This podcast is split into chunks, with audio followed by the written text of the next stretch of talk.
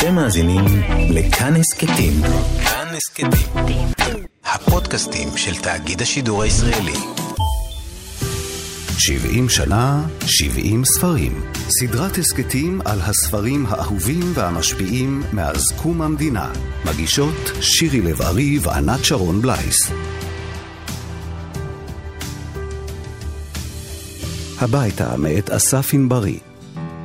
כל הכאבים מלבינים בכותנה נפתחת. ענן שחור גדול עולה במערב. אין אונים אתה עומד על הארץ מתחת.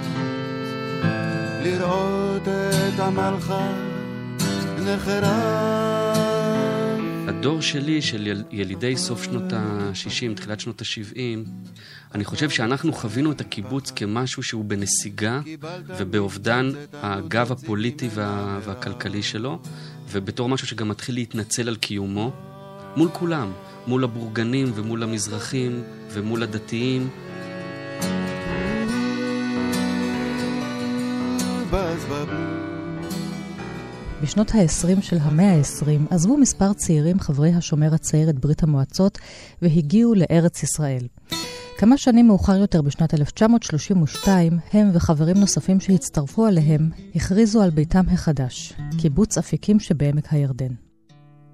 בשנת 1968 ייוולד בקיבוץ אסף ענברי, שלימים יהפוך לסופר ויכתוב על הבית שלו שהחל להתפרק. הייתה תחושה של חרדה עמוקה, כמו שקראו לזה באותם ימים, החרדה שיסגרו לנו את השיבר. ולכן, לי בעצם אין אפילו את העמדה הנוסטלגית והמתרפקת על תקופה של איזושהי שאננות, תקופה מתוקה שבה הקיבוץ כאילו היה מובטח לנצח. אני זוכר את הקיבוץ בתור משהו שתם לגבוה מאז, אה, מאז גיל עשר. יצירות על הקיבוץ נכתבו למין ימיה הראשונים של ההתיישבות, לעתים כתגובה ספרותית בזמן הווה, שלא פעם כללה גם ביקורת מטעם האדם היוצר, האינדיבידואל, שחי במקום שבו כולם נדרשו להיות זהים ולעבוד למען הכלל. אלא שבראשית שנות האלפיים קרה משהו אחר. יצירות הספרות והאומנות השונות הביטו על המפעל הקיבוצי ממרחק וניסו למצוא את האיזון בין המבט הנוסטלגי על מה שהיה ואיננו עוד, לבין המבט הביקורתי על צורת החיים. כך למשל היה בתערוכה לינה משותפת שהתקיימה בביתן הלנה רובינשטיין בתל אביב בשנת 2004, וכך היה גם בשני רומנים שראו אור בסוף העשור הראשון. הביתה של אסף ענברי, שלא מוקדש הפרק הזה, והיינו העתיד של יעל נאמן, שלא יוקדש פרק נפרד. באחד הלילות חזרה לרגע גם הגננת. היא הציבה בשקט בשקט כיסא ליד מיטתו של שותפך הסובל מקור לדעת אמו, והניחה על הכיסא צלחת של עדשי שוקולד, כנהוג במבצר לפני כל יום הולדת.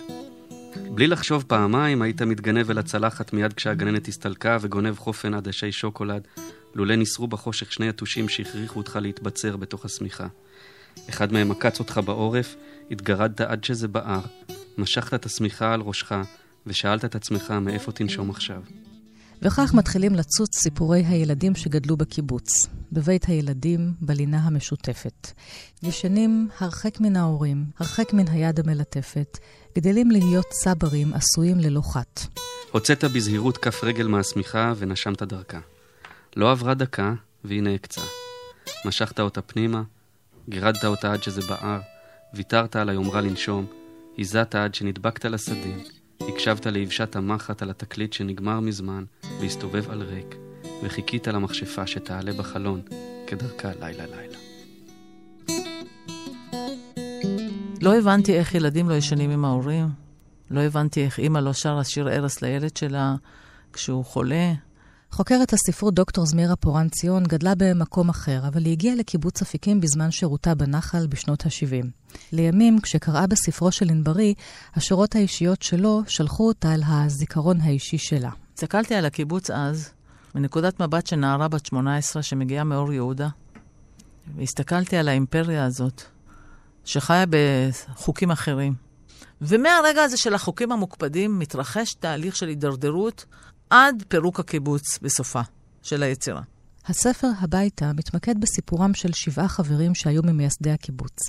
שבעה מהגרים שהפכו לחלוצים וחלמו לבנות עולם חדש בדמות חיי שיתוף ושוויון בקיבוץ. תיאוריות על שוויון ועל uh, שיתוף התנסחו על ידי פילוסופים ואוטופיסטים ומתקני עולם uh, מזה אלפי שנים. ורק כשמנסים את זה, נתקלים במתחים האלה, באבסורדים האלה, בכל המימד הטרגי-קומי של uh, uh, לזרוק חבר בגלל שהוא הגיע עם נעלי נשפים, כפי שהם קראו להם.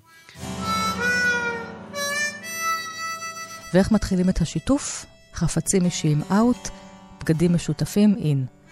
אבל מתברר שלא כולם מיהרו לציית. אחרי שש שנים בארץ, קלרה עדיין לא מסרה למחסן הבגדים את מטפחת המשי הפרסית שאימה שמה לה במזוודה עם עותק של הברית החדשה. ברגעי הבדידות שלה, ולסיה סיפק לה הרבה כאלה, קשרה את המטפחת לראשה, נשכבה וחשבה על הבית. יתר הנשים הנשואות והנשואות בלי נישואים רקמו רקמות אישיות, כל חברה בסגנונה, על שמלות השבת שנתפרו למענן מבד ערבי ועל חולצות השבת של בני זוגן, וכך הפקיעו את השמלות והחולצות הללו מחזקת הכלל וסימנו אותן במשתמע כרכושן הפרטי. אפילו לרווקים הבודדים נמצאו רוקמות בעת הצורך, והמחסנאית עמדה חסרת ישע מול ממדי התופעה.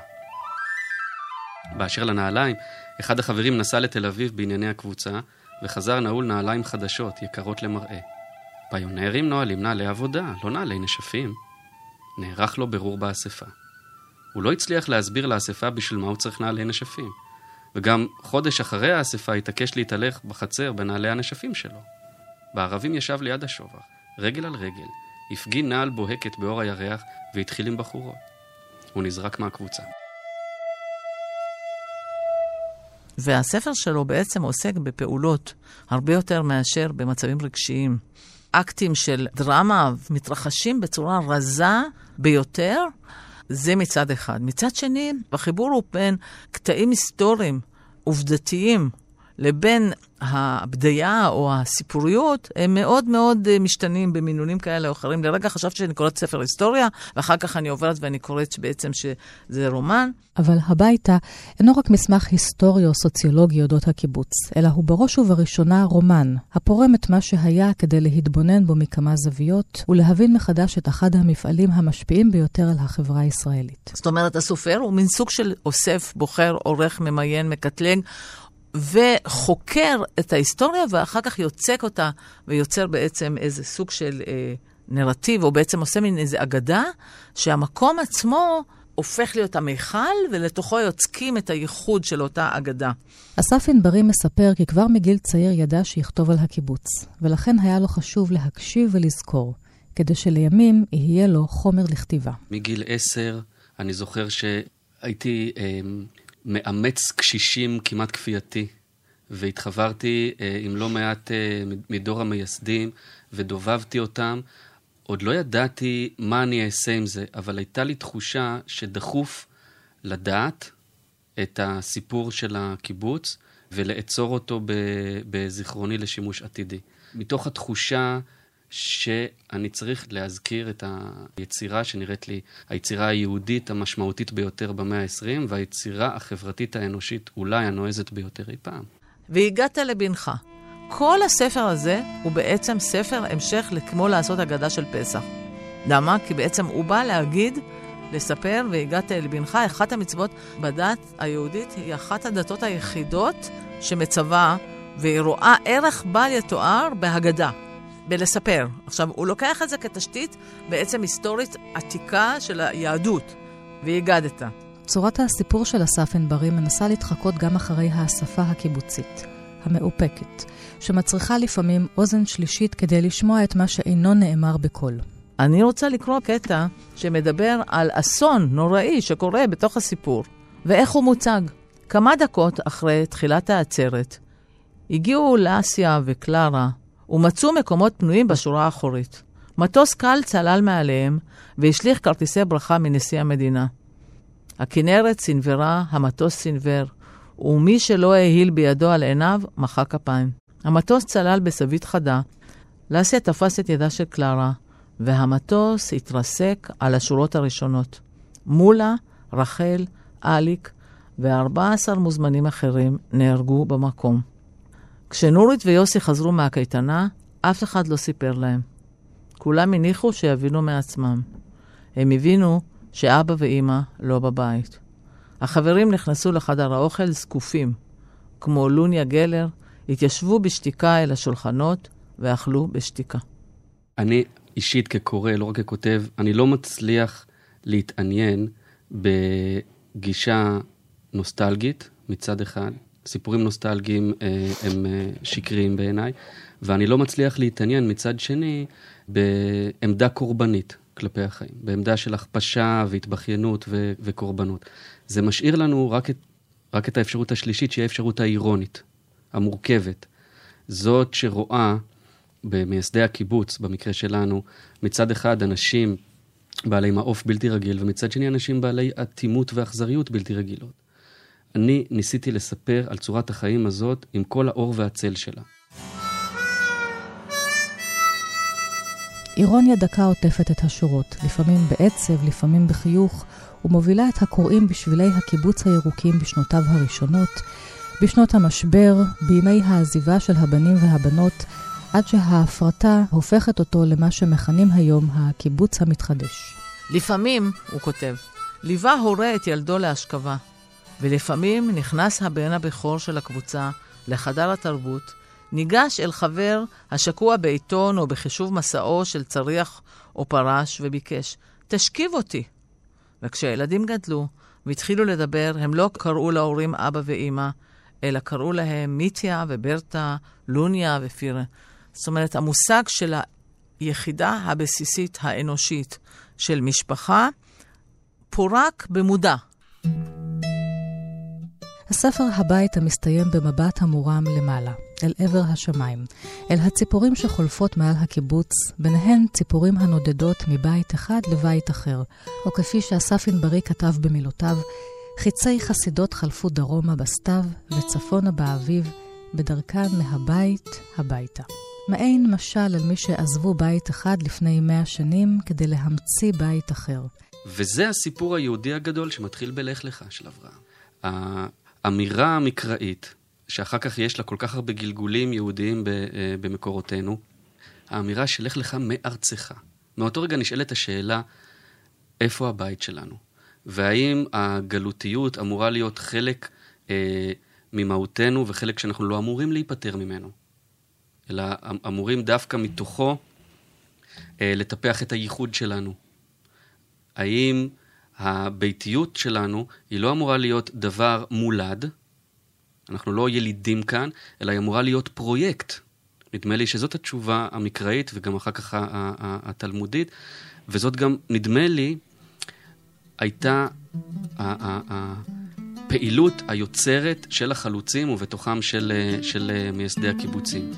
בעיקר אהבתי בספר את הדמות של האיש הזה שנאכל בתוך המכונה ב, באפריקה.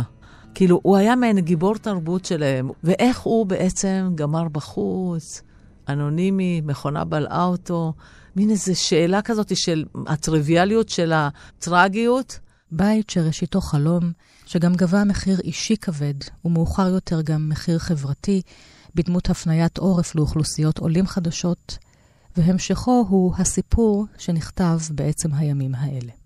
כשאתה נכנס לתוך הסיפור הזה של הקיבוץ, אתה מבין את הסבל, את הקשיים שלהם, את המאבק שלהם, אבל גם את האדנות. הם הרגישו אדוני הארץ. אלה אנשים שהיה להם בית, הייתה להם שפת אם, הייתה להם תרבות, הייתה להם הוויית חיים שלמה שאותה הם עזבו למען הקמת צורת חיים שההצדקה היחידה לכך יכולה להיות שצורת החיים הזאת תהיה עוד יותר ביתית. אני לא רציתי לספר על שיבה הביתה, אלא להפך, על עזיבת הבית הטבעי למען הקמתו של בית שאמור להיות ראוי יותר.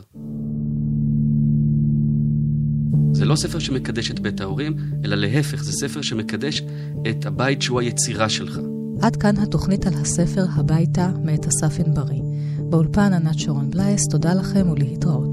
כל הכאבים מלבינים בכותנה הנפתחת, ענן שחור גדול עולה במערב.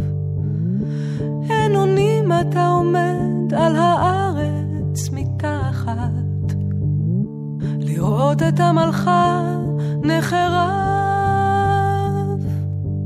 אתה לא תתפלל, אתה לא צריך מטפחת. קיבלת משבצת, ענו תוציא ממנה המרב.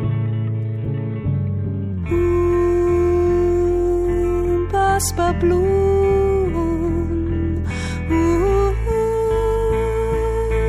בס בבלום, בס בבלום.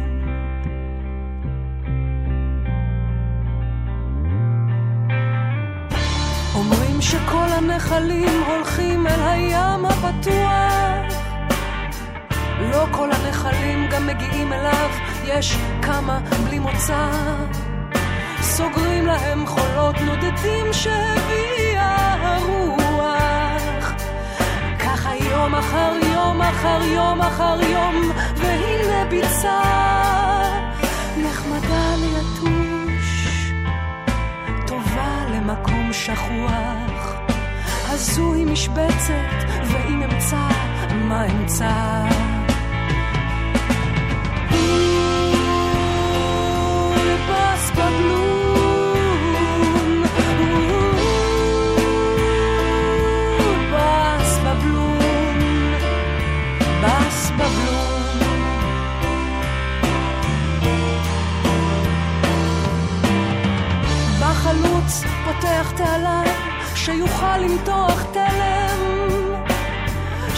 שמש יתושים מכים אותו בחום והלם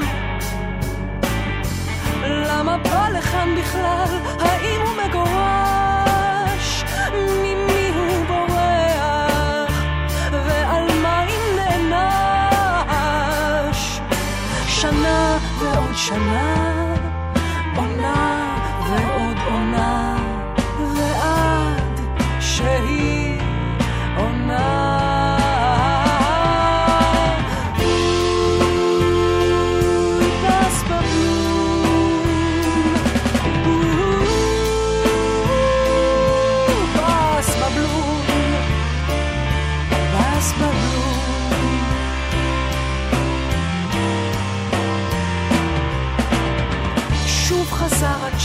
צלצל לשטחר, נו, זה מהלוואה וחיסכון, זיכרון יעקב.